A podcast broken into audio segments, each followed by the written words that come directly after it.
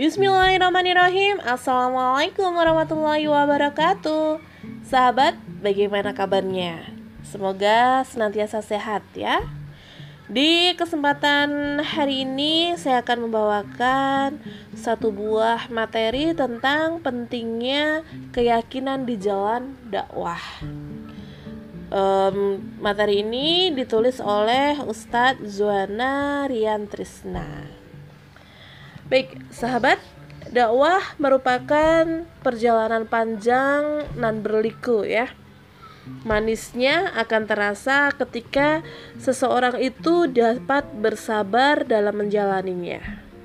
Dan di antara modal penting dalam dakwah adalah keyakinan. Keyakinan ini yang akan mengobarkan api semangat yang menyala-nyala pada diri seorang pengemban dakwah agar senantiasa berdiri tegak dan terus maju. Keyakinan tersebut adalah keyakinan tentang balasan bagi orang yang berjuang di jalan dakwah. Jalan perjuangan ini didasarkan kepada manhaj dakwah Rasulullah.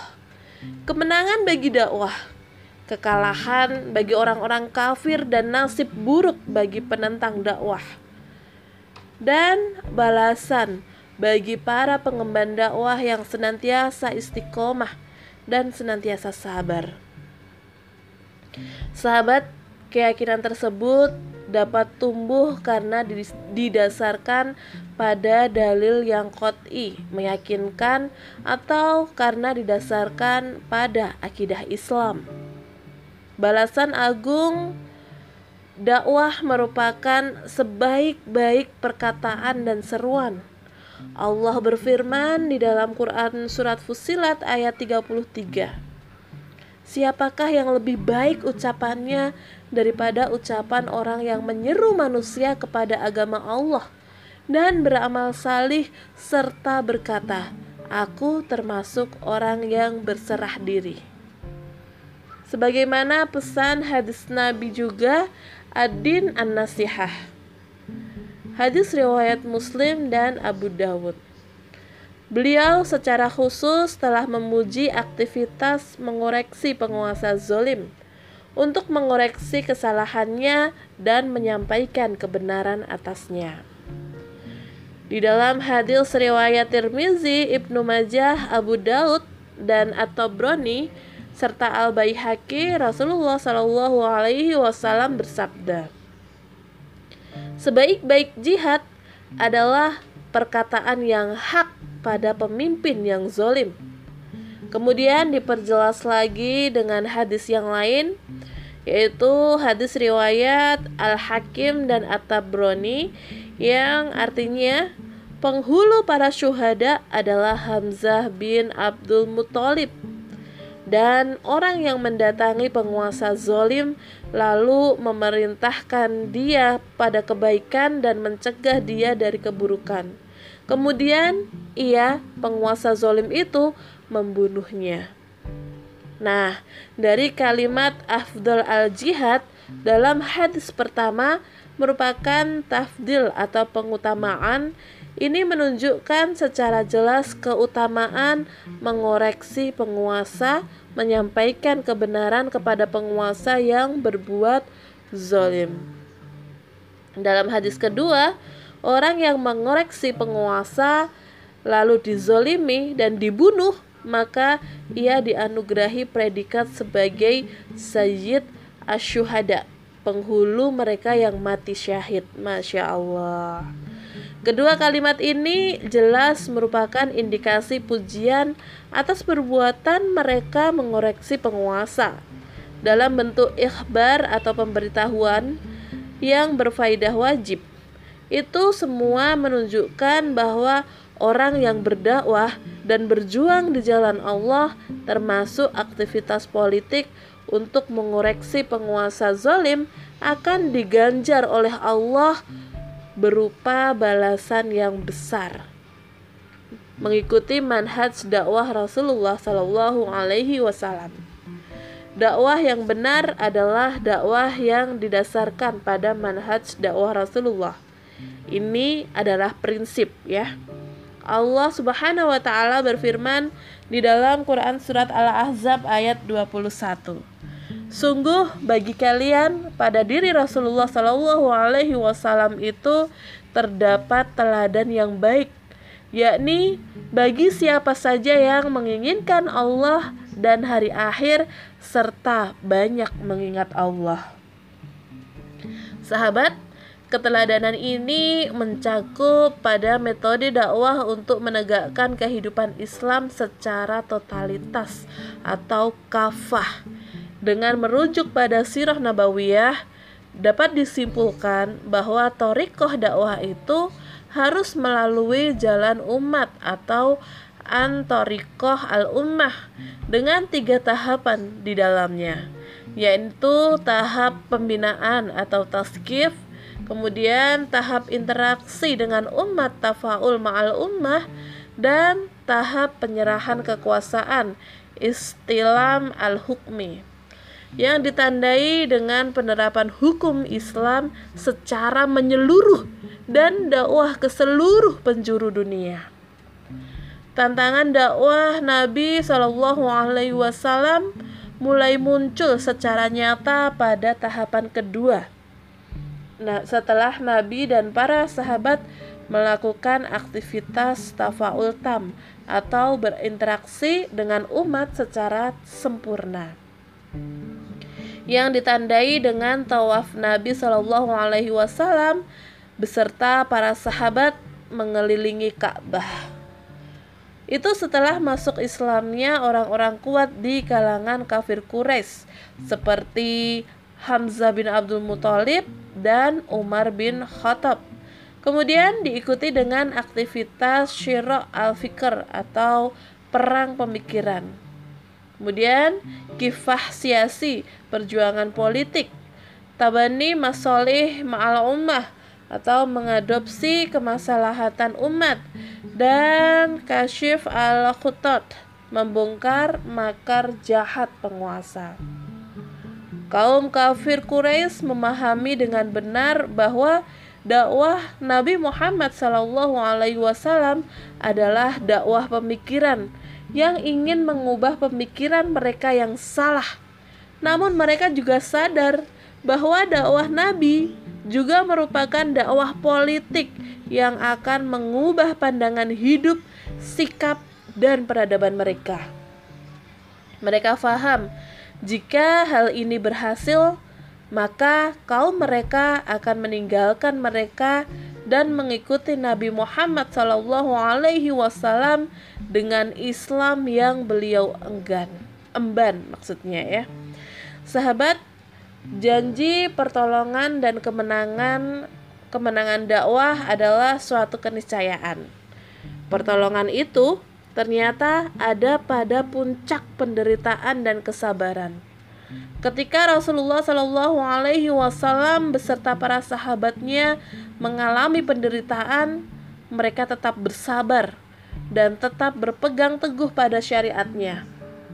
Diwayatkan bahwa karena penderitaan yang luar biasa yang mereka alami, akibatnya berbagai macam siksaan dan penganiayaan kepada kaum pada orang-orang kafir, mereka sampai bertanya-tanya kapan pertolongan Allah itu akan datang?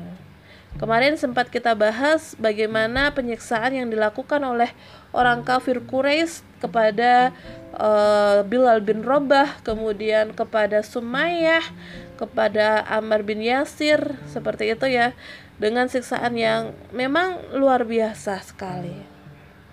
Lalu Allah berfirman, Apakah kalian mengira akan masuk surga padahal belum datang atas kalian cobaan sebagaimana hal orang-orang terdahulu sebelum kalian? Mereka ditimpa oleh malapetaka dan kesengsaraan serta diguncangkan dengan berbagai macam cobaan. Sehingga berkatalah Rasul dan orang-orang yang beriman bersama dia, "Kapankah datang pertolongan Allah?" Ingatlah, sesungguhnya pertolongan Allah itu amat dekat. Quran Surat Al-Baqarah ayat 214 Karena itu yang dituntut dari para pengemban dakwah dalam menghadapi semua tantangan, gangguan dan ancaman dalam dakwah adalah meneladani Rasul Shallallahu Alaihi Wasallam dan para sahabat beliau. Mereka selalu yakin dengan pertolongan Allah sehingga mereka selalu berkata, "Cukuplah Allah menjadi penolong kami dan sebaik-baik pelindung." Quran surat Ali Imran ayat 173. Sahabat, hal ini memang luar biasa ya ketika kita melihat bagaimana Bilal yang disiksa dengan begitu kejamnya namun beliau tetap mengatakan ahad ahad ahad kemudian Sumayyah bahkan dia merasa dia telah melihat surga berada di depannya dengan penyiksaan yang luar biasa beliau tetap teguh senantiasa berada di dalam keyakinannya yaitu berada di dalam jalan dakwah Islam. Sahabat, sesungguhnya cahaya Allah itu tidak akan pernah bisa dipadamkan oleh makar manusia. Islam pasti menang karena semua ini sesuai dengan janji Allah Subhanahu wa taala. Dan kita harus nantiasa yakin bahwa sebentar lagi pertolongan Allah akan segera datang. Islam akan menjadi satu-satunya mabda atau ideologi yang menang atas semua ideologi yang ada saat ini. Allah telah berfirman di dalam Quran surat At-Taubah ayat 32. Orang kafir itu hendak memadamkan cahaya Allah, tetapi Allah tidak menghendaki selain menyempurnakan cahaya atau agamanya, meskipun orang-orang kafir itu membencinya. Sahabat penentang dakwah pasti kalah. Para penentang dakwah pada setiap zaman pasti akan selalu ada. Allah berfirman di dalam Quran surat Al-An'am ayat 112 Demikianlah kami telah menjadikan bagi tiap-tiap nabi itu musuh, yaitu setan-setan dari jenis manusia dan jin. Imam Jarir At-Tabrani dalam tafsirnya mengatakan bahwa ujian yang disebutkan Allah dalam ayat ini tidak hanya menimpa pada Rasulullah, tetapi juga berlaku umum bagi orang-orang yang mengikuti beliau dalam dakwah. Di antara upaya menjegal dakwah adalah dengan berbagai propaganda atau pemberian stigma, baik pada Islam maupun kepada para pejuangnya. Rasulullah Shallallahu Alaihi Wasallam dan para sahabat telah mengalami kondisi demikian. Bahkan Rasulullah pernah disebut sebagai orang gila, tukang sihir, penyair gila, pemecah belah persatuan kaumnya dan masih banyak lagi. Ajaran Islam juga tidak akan pernah lepas dari berbagai macam cacian. Al-Quran misalnya disebut sebagai ayat-ayat sihir, kumpulan dongeng-dongeng, juga dituding sebagai karya orang uh, non-Arab gitu kan. Bukan kalamullah, bukan berasal dari Allah. Tantangan para pengemban dakwah pada hari ini pun tak berbeda dengan apa yang pernah dialami oleh uh, Rasulullah dan para sahabat. Berbagai upaya dilakukan untuk menjegal dan membungkam dakwah, antara lain dengan cara yang pertama, mengkriminalisasi para dai dengan tuduhan kaum radikal kemudian mengancam kebinekaan, membawa ajaran yang uh, tidak sesuai dengan budaya lokal dan lain-lain. Kemudian yang kedua, menang, menga, menangkap para penggiat dakwah. Yang ketiga, mengkriminalisasi ajaran Islam terutama yang e, bertema tentang syariah dan khilafah. Namun sahabat, Ketahuilah bahwa para penentang dakwah akan mengalami kehinaan di dunia dan di akhirat. Mereka akan dikalahkan dengan izin Allah sebagaimana para penentang dakwah Nabi Shallallahu alaihi wasallam. Adapun di akhirat mereka akan mendapatkan siksa yang pedih sebagaimana firman Allah di dalam Quran surat Al-Buruj ayat 10. Sungguh orang-orang yang menimpakan fitnah kepada kaum mukmin laki-laki dan perempuan kemudian mereka tidak bertaubat bagi mereka azab jahanam dan bagi mereka azab neraka yang membakar. Sungguhnya orang-orang kafir menafkahkan harta mereka untuk menghalangi manusia dari jalan Allah. Mereka akan menafkahkan harta itu kemudian menjadi sesalan bagi mereka dan mereka akan dikalahkan ke dalam jahanamlah orang-orang kafir itu dikumpulkan. Quran surat Al-Anfal ayat 36. Lalu balasan bagi orang-orang yang senantiasa bersabar dan senantiasa e, berada di dalam keistiqomahan. Orang-orang yang senantiasa istiqomah dan sabar di jalan Allah, maka ia akan mendapatkan banyak keutamaan dari Allah Subhanahu wa taala. Allah Subhanahu wa taala telah menjelaskan masalah ini dengan sangat jelas di dalam Quran dan Al-Hadis. Di antara ayat-ayat yang berbicara tentang keutamaan istiqomah adalah di dalam Quran Fusilat ayat 30. Sungguh orang-orang yang mengatakan Tuhan kami ialah Allah, kemudian mereka meneguhkan pendirian mereka, maka malaikat akan turun kepada mereka dengan mengatakan, "Janganlah kalian takut dan janganlah merasa sedih serta bergembiralah mereka dengan surga yang telah dijanjikan kepadamu." Ayat di atas dan ayat lainnya seperti Quran Surat Fusilat ayat 31 sampai 32, kemudian Al-Ahqaf ayat 13 menjelaskan dengan sangat gamblang bahwa orang yang istiqomah di jalan Allah akan memperoleh banyak keutamaan. Di antara keutamaan tersebut, yang pertama, Allah akan menurunkan malaikat kepada orang yang beriman dan beristiqomah di jalan Allah. Malaikat itu akan menghibur dengan ucapan janganlah kalian takut dan janganlah merasa sedih serta bergembiralah dengan surga yang telah dijanjikan Allah kepada kalian. Al-Qurtubi Tafsir Al-Qurtubi 15 garing 358 yang kedua, malaikat akan menjadi penolong atau wali, orang yang senantiasa istiqomah di kehidupan dunia dan akhirat. Menurut Mujahid, malaikat akan menjadi sekutu bagi orang-orang yang istiqomah di kehidupan dunia dan kelak di akhirat. Malaikat itu tidak akan berpisah dengan orang-orang tersebut hingga ia masuk ke dalam surga Allah. As-Sudi mengatakan, Malaikat akan menjaga menjadi penjaga amal orang yang istiqomah di kehidupan dunia dan penolong di hari akhir.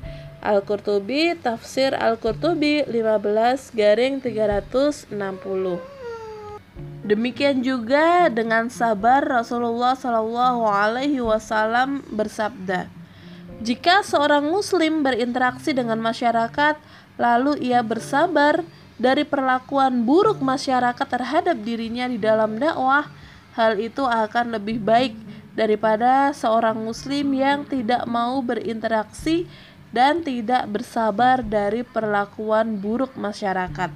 Hadis riwayat Tirmizi.